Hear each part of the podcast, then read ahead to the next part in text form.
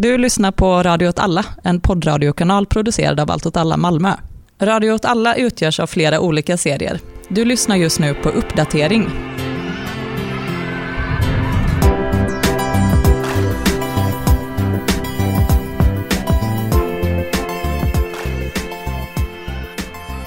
Hej och välkommen till ett nytt avsnitt av Uppdatering, där vi intervjuar personer som är med i politiska kollektiv och politiska grupper som gör saker vi tycker är intressanta.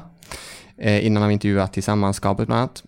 Och idag har jag med mig två personer från eh, Ung Vänster som har skrivit en bok som heter Handbok för lokalorganisering som handlar om hur man organiserar sig lokalt. Och hej och välkomna! Simon Hejsan. och Vilma. Hej hej! Ska vi gå rakt på boken här eller vill ni säga något mer om er själva? Ja men en liten presentation kanske. Ja, kör en liten presentation. Ehm, yes, jag heter Vilma och jag eh, har varit aktiv i Ung Vänster sedan 2007. Och eh, på den tiden så skulle jag säga att lokal organisering inte riktigt var någonting som man jobbade så aktivt med, men det fanns en väldigt positiv bild av det och många minnen av att man hade gjort det innan. Eh, så det är väl varför vi började skriva den här handboken bland annat. Ja, och eh, jag heter Simon då och eh, har varit med i Ung Vänster sedan 2010. Och det är väl lite som Vilma var inne på, samma anledning som jag har velat skriva den här handboken. Att det är den här handboken jag hade velat ha när jag gick med. Och nu kan någon annan ha den när de blir politiskt aktiva. När vi gick med så uppfattade jag förbundet som ganska ja, men strömlinjeformat på många sätt. Att man hade kampanjer nationellt eh, som förbundsstyrelsen tog fram och sen skulle liksom, klubbar och distrikt genomföra det. Um, och det har vi ju gått ganska mycket ifrån och jobbar mycket mer aktivt med att klubbar själva ska driva lokala kampanjer, enskilda aktivister ska gärna göra det. Um, så det är väl en sån förändring som har skett under ganska lång tid, typ. Så ni har blivit mer autonoma då kan man säga. Ja, vi har, väl, Fick jag er. vi har väl gått tillbaka till, nej, men beroende på hur man ser det. Vi skriver ju om 30-talet, Ung Vänster, också i handboken. Men, men såklart, vi, genom handboken så har vi ju hämtat inspiration från många olika delar av, av liksom, den breda vänstern. Liksom. Så absolut, så har det ju influerat handboken också. Mm. Ja, man kan väl säga att Ehm, den autonoma rörelsen är ju definitivt en rörelse som har, i alla fall har tänkt kring hur saker och ting fungerat. Ehm, och det är ju liksom i alla fall ett spår av, eller så ganska många spår där vi har försökt hitta, okej men har folk tänkt kring hur politisk förändring och kamp egentligen fungerar innan? Jo, men det har de på lite olika håll i liksom fackliga sammanhang, i kanske mer partipolitiska sammanhang och lite mer så här community organizing. Vi har väl försökt bara kolla igenom de här olika sätten. Vad, hur tänker man att det fungerar och vad är skillnaden mellan de olika perspektiven?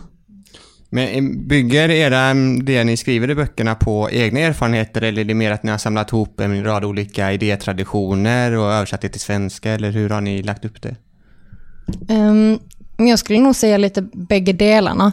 Alltså den största erfarenheten som jag och Simon kanske delar är väl att vi inte riktigt har gjort de här erfarenheterna på det sättet som vi hade velat. Och som sagt, vi hade verkligen gynnats av att få ha mött en sån här handbok eller en samlad liksom, eh, teoriram eller praktiska tips tidigare. Så att eh, vi har bristande liksom, erfarenheter om det här, men, men sen är det ju mycket referenser till olika teoretiker och, och teori, men också erfarenheter från vår organisation, från andra organisationer. Um, så vi har försökt liksom ha våra tentakler ute och fånga upp så mycket det bara går. Typ. För det var väldigt kul att läsa den för det var ju väldigt, eller vi har på en del med just lokalorganisering och nått en del naturliga stopp så, men det var ju väldigt mycket saker där som man kanske inte har läst sig till men som man lärt sig genom eh, tries and errors liksom. Så det är en jättebra handbok för det, det täcker upp mycket av den problemen. Och organiseringen som man föreslår där för lokalorganisering är ju vår interna organisation liksom. Så det, det är ganska roligt att läsa så. Ja, och det är väl väldigt mycket just det du säger om trial and error, liksom att ibland måste man liksom gå in i en vägg innan man fattar att det finns en vägg där. Men man, om man skriver ner det så behöver inte någon annan liksom göra samma misstag. Eh, så det är väl lite det vi har försökt göra också. Um, men sen så såklart så är det ju att jag ser i alla fall det här som någon slags första steg. Att, jag tänker att det är såklart man hade velat vara som Francis Tuloskopi som har skrivit den här antologin Hopsnackat. Att man kommer in här med årtionden av facklig erfarenhet och liksom exempel och erfarenheter och liksom gör, skriver liksom en kort bok av detta. Vi är inte riktigt där än.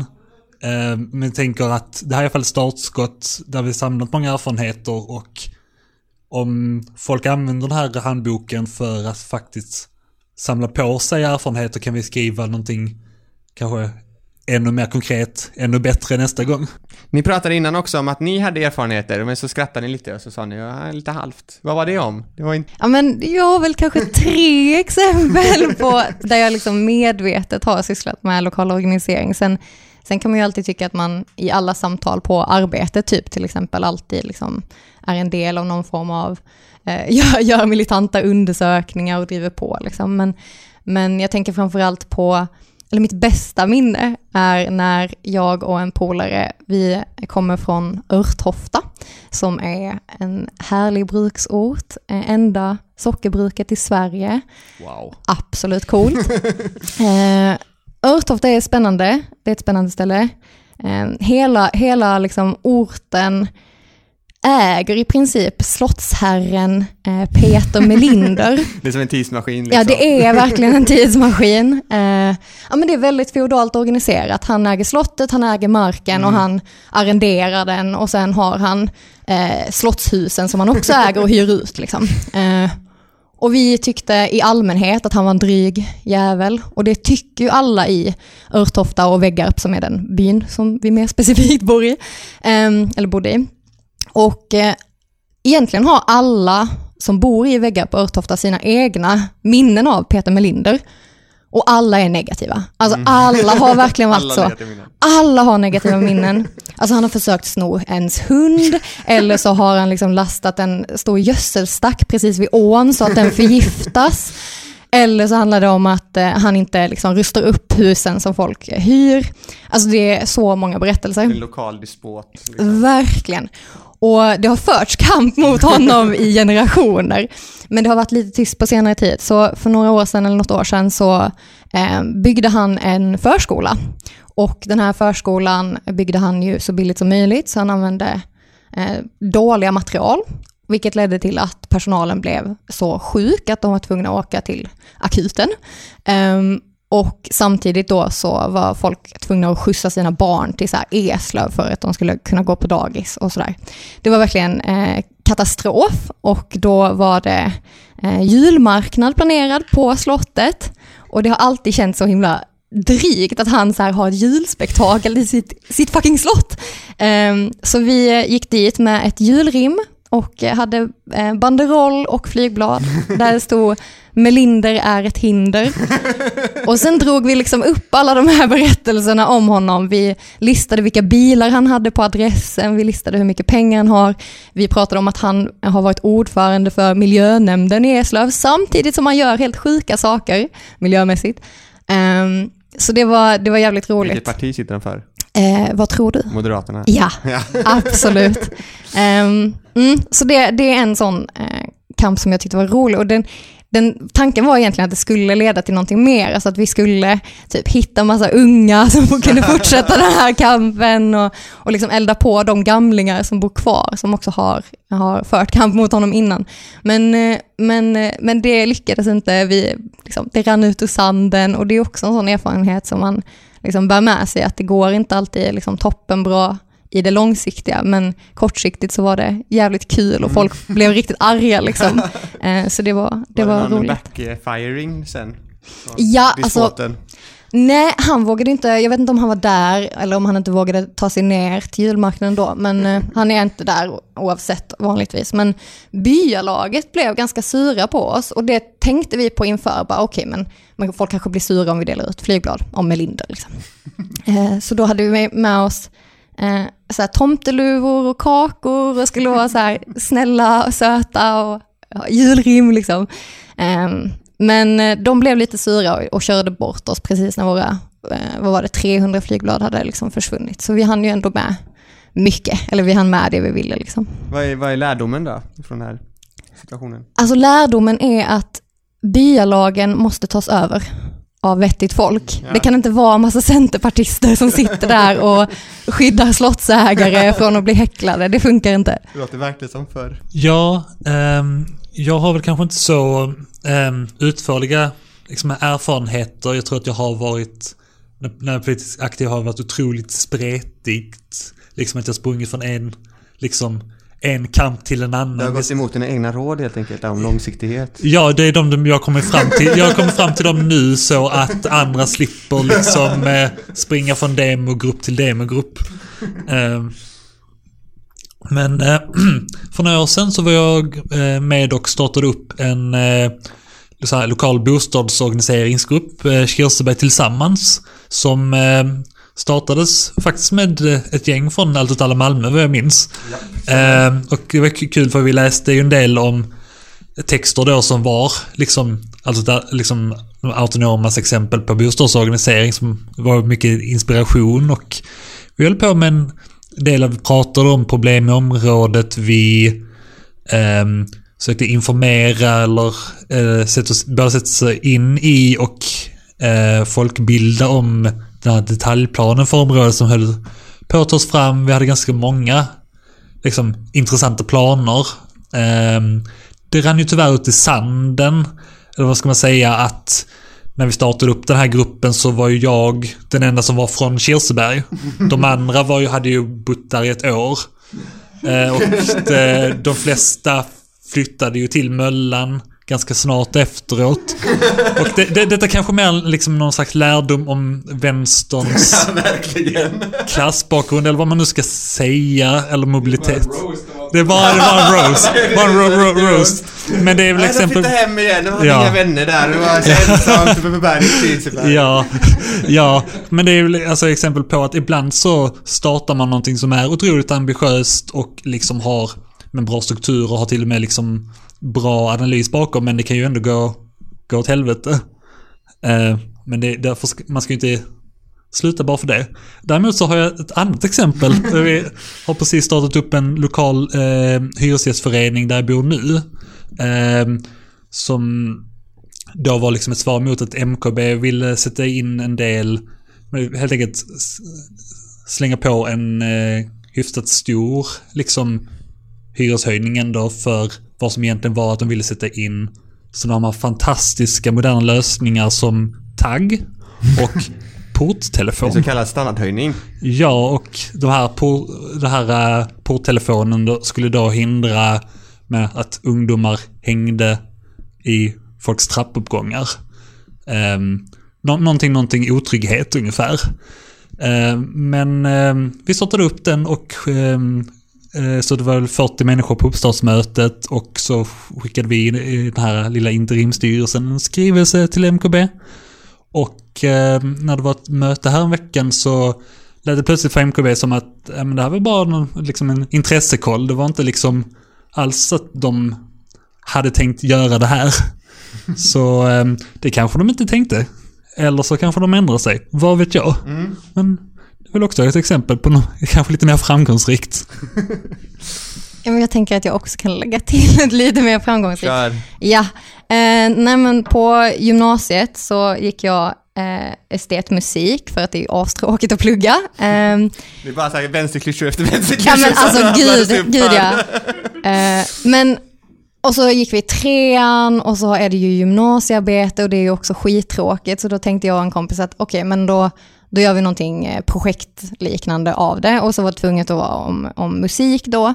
Ehm, så då valde vi att eh, göra en feministisk temadag med inriktning på jämställdhet inom musikbranschen. Och eh, vi hade ganska liksom låga förväntningar, men vi hade en väldigt bra plan och vi använde faktiskt oss av eh, SWOT-modellen som nämns i handboken och planerade in i minsta detalj. Vi tryckte affischer, vi var på alla så här mentorstider, pratade med alla elever på hela skolan. Det var liksom, ja men ingen på den här gymnasieskolan liksom missade ju att det här hände. Och det ledde till att alla punkter under den här dagen, alla föreläsningar, men också feministiskt självförsvar, allting var liksom fullt. Och vi kunde inte få in fler folk. Och till och med våra körlärare kom med sina grupper och allt möjligt. Så det var liksom eh, roligt. Och det som det ledde till, vi tänkte ju bara att det skulle vara vårt gymnasiearbete, men det ledde till att eh, några tjejer i året under oss, när vi hade slutat, startade en feministisk skolgrupp som fortfarande finns idag. Och vi hjälpte dem med hur man kan göra och hur man kan planera och sådär. Eh, så även saker som man tänker ska vara ganska liksom, små och betydelselösa kan ju bli till någonting mer långvarigt och, och vettigt. Liksom. För eh, lyssnaren kanske vi också ska gå igenom lite vad boken faktiskt handlar om, för det känns som att vi har pratat lite runt det. Eh, hur den är upplagd. Jag har förstått som att någonstans i mitten är det om organisering, och i början är det lite tips, och sen i slutet är det erfarenheter. Men har ni någon speciell tanke om hur ni har lagt upp boken? Mm. Um, tanken var att vi skulle försöka följa den processen som ofta finns i eh, uh, lokal organisering och lokala kamper. Uh, så handboken går liksom från den extremt viktiga delen som handlar om att analysera sina förutsättningar, alltså undersökningsdelen, där vi pratar om militanta undersökningar, vi pratar om problem med att organisera baserat på ideologi kontra hur man då organiserar eh, kring konkreta problem. Vi har en del som handlar om det som Simon var inne på med hopsnackande. Ehm, och vi har en del som handlar om planering, hur man kan lägga upp upp liksom kampen och planera kring den. Och där har vi tagit in ganska mycket företagsmodeller och hur företag jobbar. Eh, så vi har hämtat inspiration från breda lager, inte bara vänstern. Ehm, sen har vi en del som handlar om kampens struktur och lite om organisationsform och så. Och sen kommer den delen som jag tror du tänker på med mm. aktion ehm, och sen också utvärdering. Hur definierar ni militanta undersökningar i boken? Militanta jag, undersökningar. Vi vet ju att vi kanske har en lyssnare som är väldigt intresserad av det. eh, precis. Shout-out till dig som är intresserad av militanta undersökningar. Du hemlige. Du hemlige. eh, precis, vi pratar om militanta undersökningar som att det är undersökningar som sker och vi har tolkat det som att det kan ske både på skola och i bostadsområde och på eh, arbetsplatsen, men att det militanta i det är att den är kampinriktad eh, undersökningen. Så att det handlar helt enkelt om att försöka hitta eh, dels vilka motstrategier eller vilken kamp som redan förs, men liksom under ytan. Eh, det handlar om att eh, ja, helt enkelt undersöka vad man hade kunnat göra med de förutsättningar man har. Vi eh, använder då det här ordet militanta undersökningar som är ett ord som vi då har lånat av eh, skulle säga några autonoma grupper som har eh, varit de som varit senast i ropet i alla fall med prata om det i de här termerna. Eh, sen skulle jag väl också säga att det är, det är ju en gemensam nämnare i väldigt många olika alltså traditioner som handlar om att, men att undersöka en sak och inte bara anta. Och att det finns ju många exempel i, inom vänsterns historia Alltså att man har gått in med en viss inställning utifrån ens teorier och övertygelse om hur världen funkar. Men det är inte samma sak som det kanske händer på verkstadsgolvet eller bostadsområdet och att om man inte undersöker så får man inte heller några korrekta svar. Nej, vi håller med om.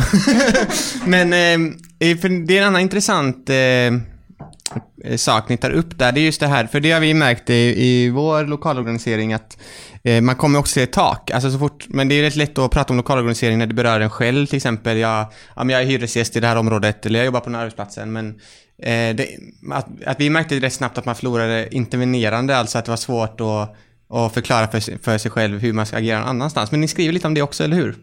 Ja, men vi, vi har i alla fall försökt att ha en ton till läsaren av att vi inte vet så mycket om hur andra ska agera för att det just beror så mycket på de egna materiella förutsättningarna och hur, vad man kan göra med det. Eh, så det kommer ju många gånger återkommer det i texten att man måste tänka själv kring sina egna förutsättningar eh, och hur, hur man kan jobba vidare utifrån dem. Nej, det tänkte mer alltså att man, att man försöker lokalt organisera eh, där man bor och sådär. Men hur ska man göra om, om man lokalt vill organisera någon annan? Eh, Ja, där har vi i alla fall försökt tänka till kring den grejen för att det är inte alltid där, att gräva där man står är inte alltid det optimala i alla lägen. Ehm, och då har vi ju till exempel försökt när vi pratat och gjort en skillnad mellan varm och kall organisering. Alltså att vilka metoder för att eh, värva eller dra in människor är effektiva när du ska gräva när du står. Eh, och vilka saker behöver man göra för att få, få etablera kontakter där du inte har liksom, liksom, liksom en fot inne på fabriken. Jag kunde låta... lite, fabriken så alla den, den där mytiska fabriken, men, men, men, men som, som i vår, vårt fall ofta är att ehm, man kan ha många aktiva medlemmar på en, en gymnasieskola, men enligt våra politiska prioriteringar kan en helt annan skola vara jätteprioriterad, men vi har inga medlemmar där.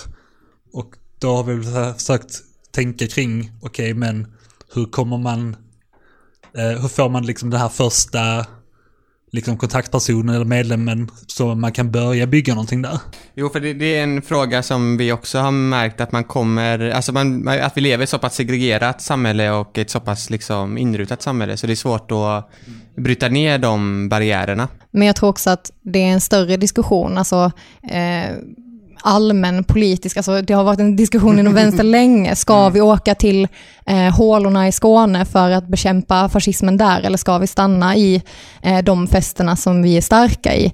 Eh, och det är ju en, en stor diskussion. Ehm, vi, vi har inte riktigt så en, en utförlig diskussion om det i handboken, men vi berör i alla fall ämnet huruvida, hur man agerar när man är någon annanstans eller när man inte är i sin egen liksom, sociala kontext. Typ. Men det är, en, det är en stor fråga som vi inte riktigt löser eller svarar på skulle jag säga.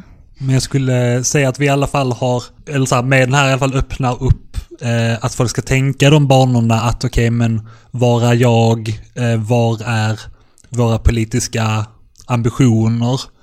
Och i alla fall kunna tänka tanken att okej hur når vi utanför den egna kretsen?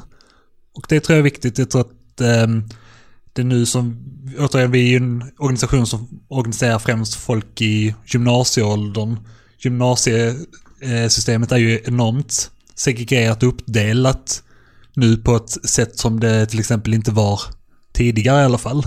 Och det är någonting man behöver tänka på, hur når man liksom alla, eller framförallt de man kanske vill politiskt prioritera. För det, är- det, är- det är närbesläktat med en annan kritik som den här typen av polisorganisering för, eh, kan få. Det är det här med om lokalism, liksom. Att det blir ett sånt himla lokalt fokus. Så egentligen så löser man inga problem för alla beslut tas någon helt annanstans på EU eller världsnivå eller vad det nu kan vara. Men hur ska man kunna bemöta det? Eller varför är lokal organisering viktig i relation till de här andra strukturerna liksom? Mm. Men det, det är också någonting som vi har diskuterat när vi har tagit fram den här handboken.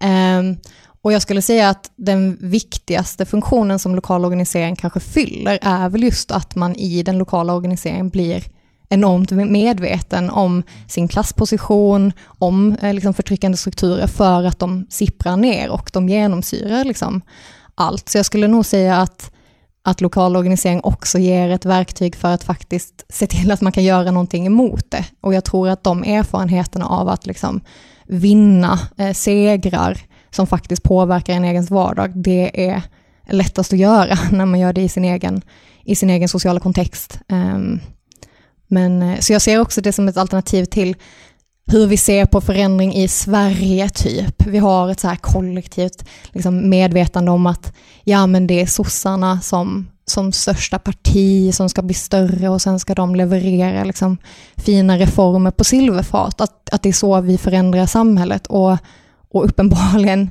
görs inte det. Och de här eh, liksom, fina reformer på silverfaten, de, de rullas tillbaka och de kan göra det väldigt lätt. Och vad är då svaret? Jo, men svaret måste ju vara att människor faktiskt är organiserade eh, som ett skydd för att dels de här sakerna inte ska rullas tillbaka, men också för att kunna vinna eh, fler segrar i framtiden. Liksom.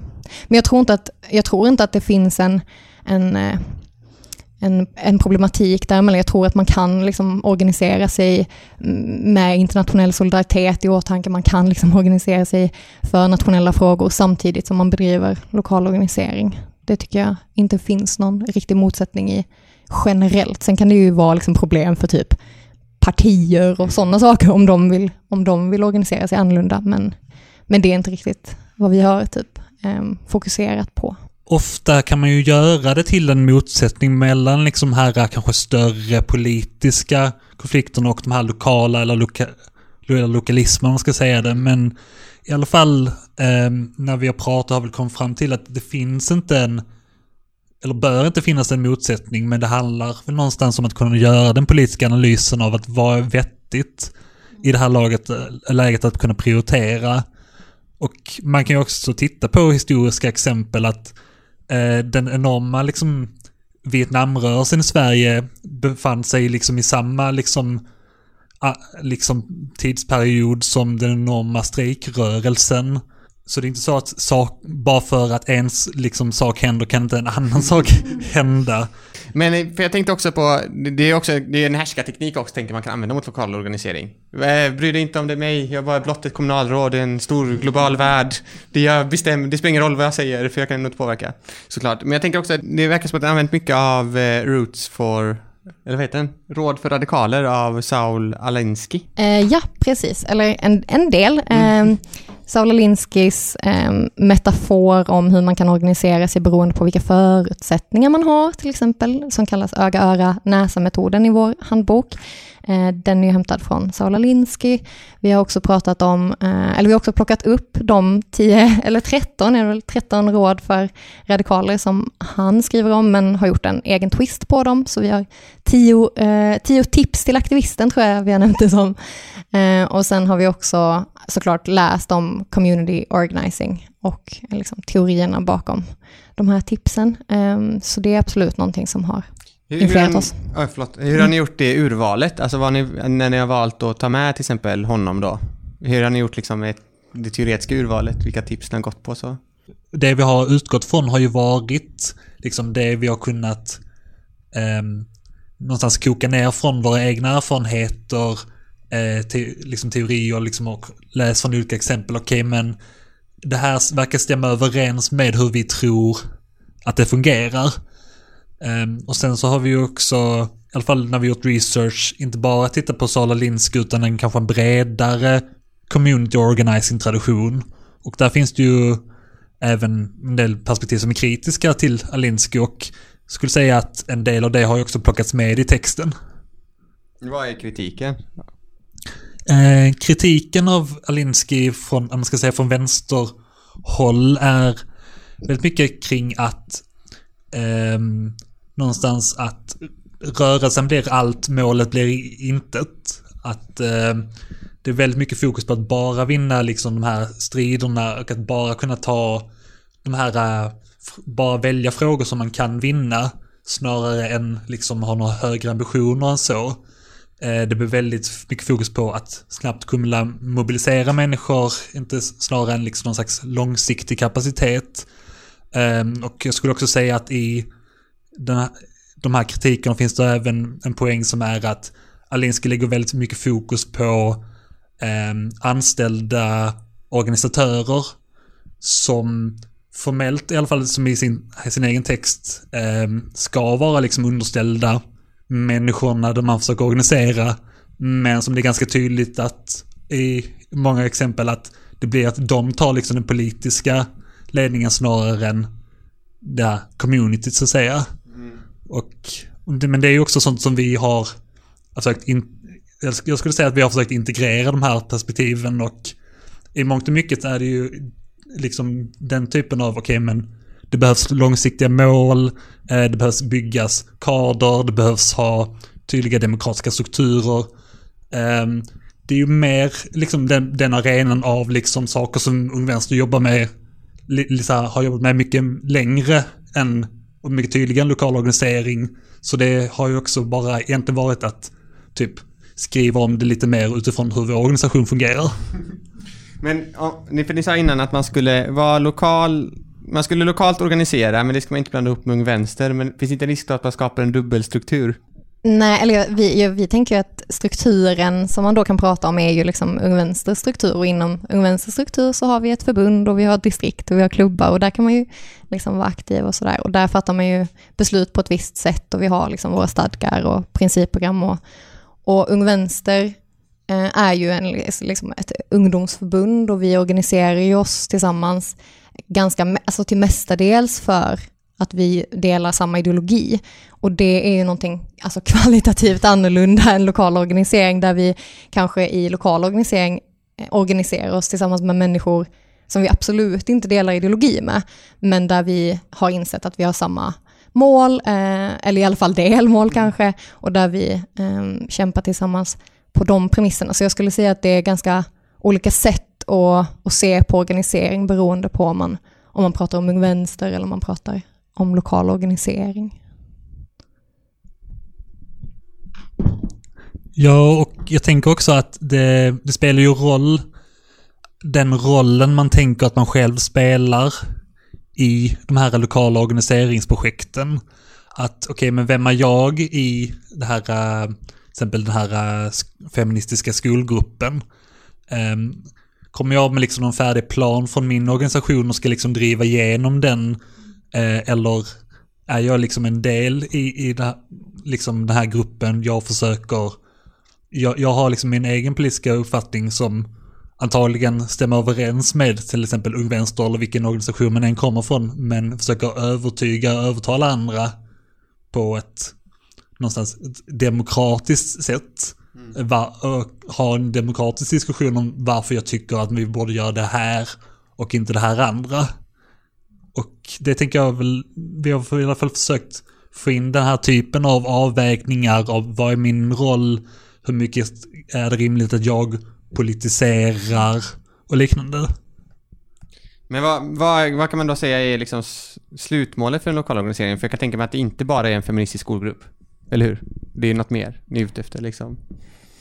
Eh, det beror, alltså det beror ju på vad man menar, men för den specifika lokala kampen så kan ju slutmålet vara att man till exempel ska, eh, ska få till en skolgrupp som bara får beslutande rätt i vissa frågor. Det kan ju vara ett mål liksom, för den skolgruppen eller, eller liknande. Eh, på en arbetsplats kan ju slutmålet vara att man ska ta, ta över liksom, arbetsplatsen eh, och demokratisera den på det sättet.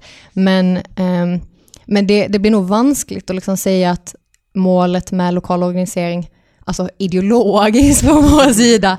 Såklart, vi, vi är socialister, vi är feminister, alltså vi tycker att lokal organisering är en, är en vettig strategi för att uppnå ett, ett klasslöst samhälle fritt från alla former av förtryck. Det är, liksom, det är en strategi på det sättet, men jag tror också man behöver se den lokala organiseringen som, som någonting annorlunda som kan skapa sina egna, egna mål. Liksom. Och, och vi pratar just om det här, hur mycket ska vi politisera kamper vi är en del av och när ska vi backa? Och det är en jättesvår balansgång att gå.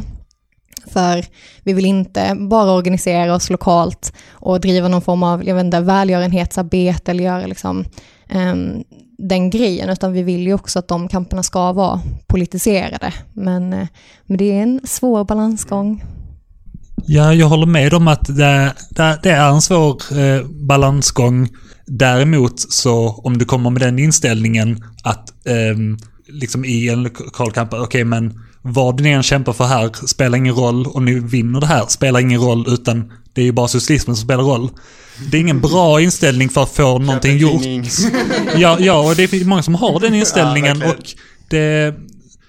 Jag tror inte det, det är ett produktivt sätt att åstadkomma någonting. Jag tror att eh, om man vill liksom hålla på med lokal organisering så måste man ha en, någon slags in, inställning till att jag bryr mig om det här, det här berör mig och typ eh, om, folk, om folk vinner det här eller inte, det spelar roll. Eh, det är jätteintressanta frågor, för det är också saker som vi verkligen har brottats med, till exempel när vi jobbade med eh, EU-migranter, bara att vårt, vårt ideologiska ok är alltid självorganisering liksom.